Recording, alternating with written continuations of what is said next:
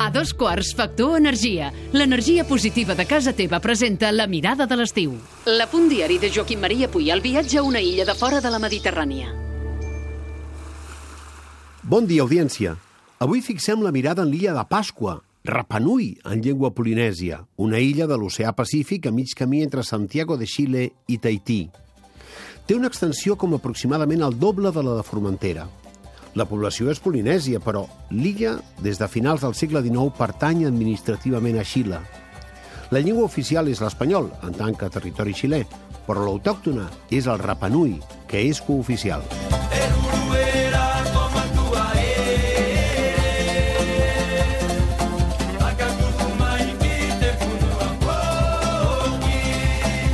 Estem sentint la cançó Eruruera, interpretada pel grup Matatoa, originari de l'illa de Pasqua, on ha desenvolupat un folklore local amb certa personalitat. Fa més de 50 anys, en un llibre que teníem a l'escola, a quart de batxillerat, vaig veure una imatge que em va cridar l'atenció. A la part inferior d'una pàgina, a mà esquerra, hi havia una fotografia on, sota un cel ennuvolat i damunt d'un vessant de gespa seca, s'aixecava una figura humana de mig cos feta amb una pedra més aviat marronosa. Al peu de la foto explicava que allò era una escultura antropomòrfica que tenia més de 15 metres. La descoberta em va semblar fascinant. I vaig pensar que si algun dia podia, aniria a veure aquelles escultures a l'oceà Pacífic. I aquest dia va arribar. El diumenge 19 de maig del 2002 vaig embarcar en un dels dos vols setmanals amb què la companyia L'Any Xile aleshores operava Santiago amb Rapanui.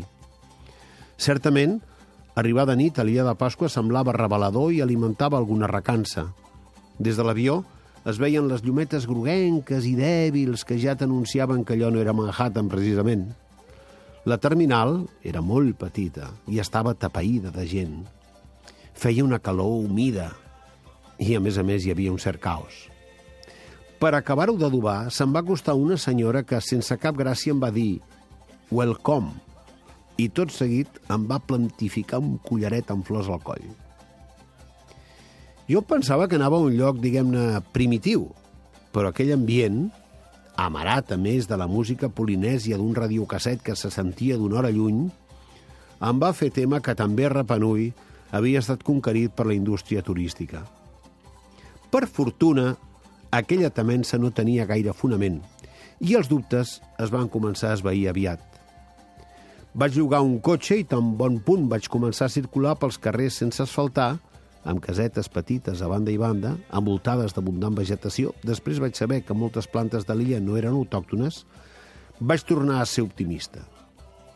Un petit hotel, potser l'únic aleshores, davant del mar, un encarregat que em va deixar que jo em fes el sopar mentre xerràvem a la cuina i una ronda de copes a un local d'estil tropical, que hi havia a prop, on tothom s'enrotllava com si ens coneguéssim de tota la vida, van ser el pròleg d'un estat inoblidable. Els oients que van escoltar la mirada que vaig dedicar a l'illa de Pasqua el passat 5 d'abril ja saben que allà vaig passar alguns dies molt interessants, potser dels més interessants de la meva vida. I és que les illes tenen un ritme diferent. El de Pasqua, a més, aleshores era especial. Perdut al mig del no-res, a milers de quilòmetres de l'illa habitada més pròxima, sense diaris, ni televisió, i a sobre amb polinesis que parlen una llengua que tu domines, tot això feien de Rapanui un excepcional lloc per viure-hi. Uns quants dies, és clar.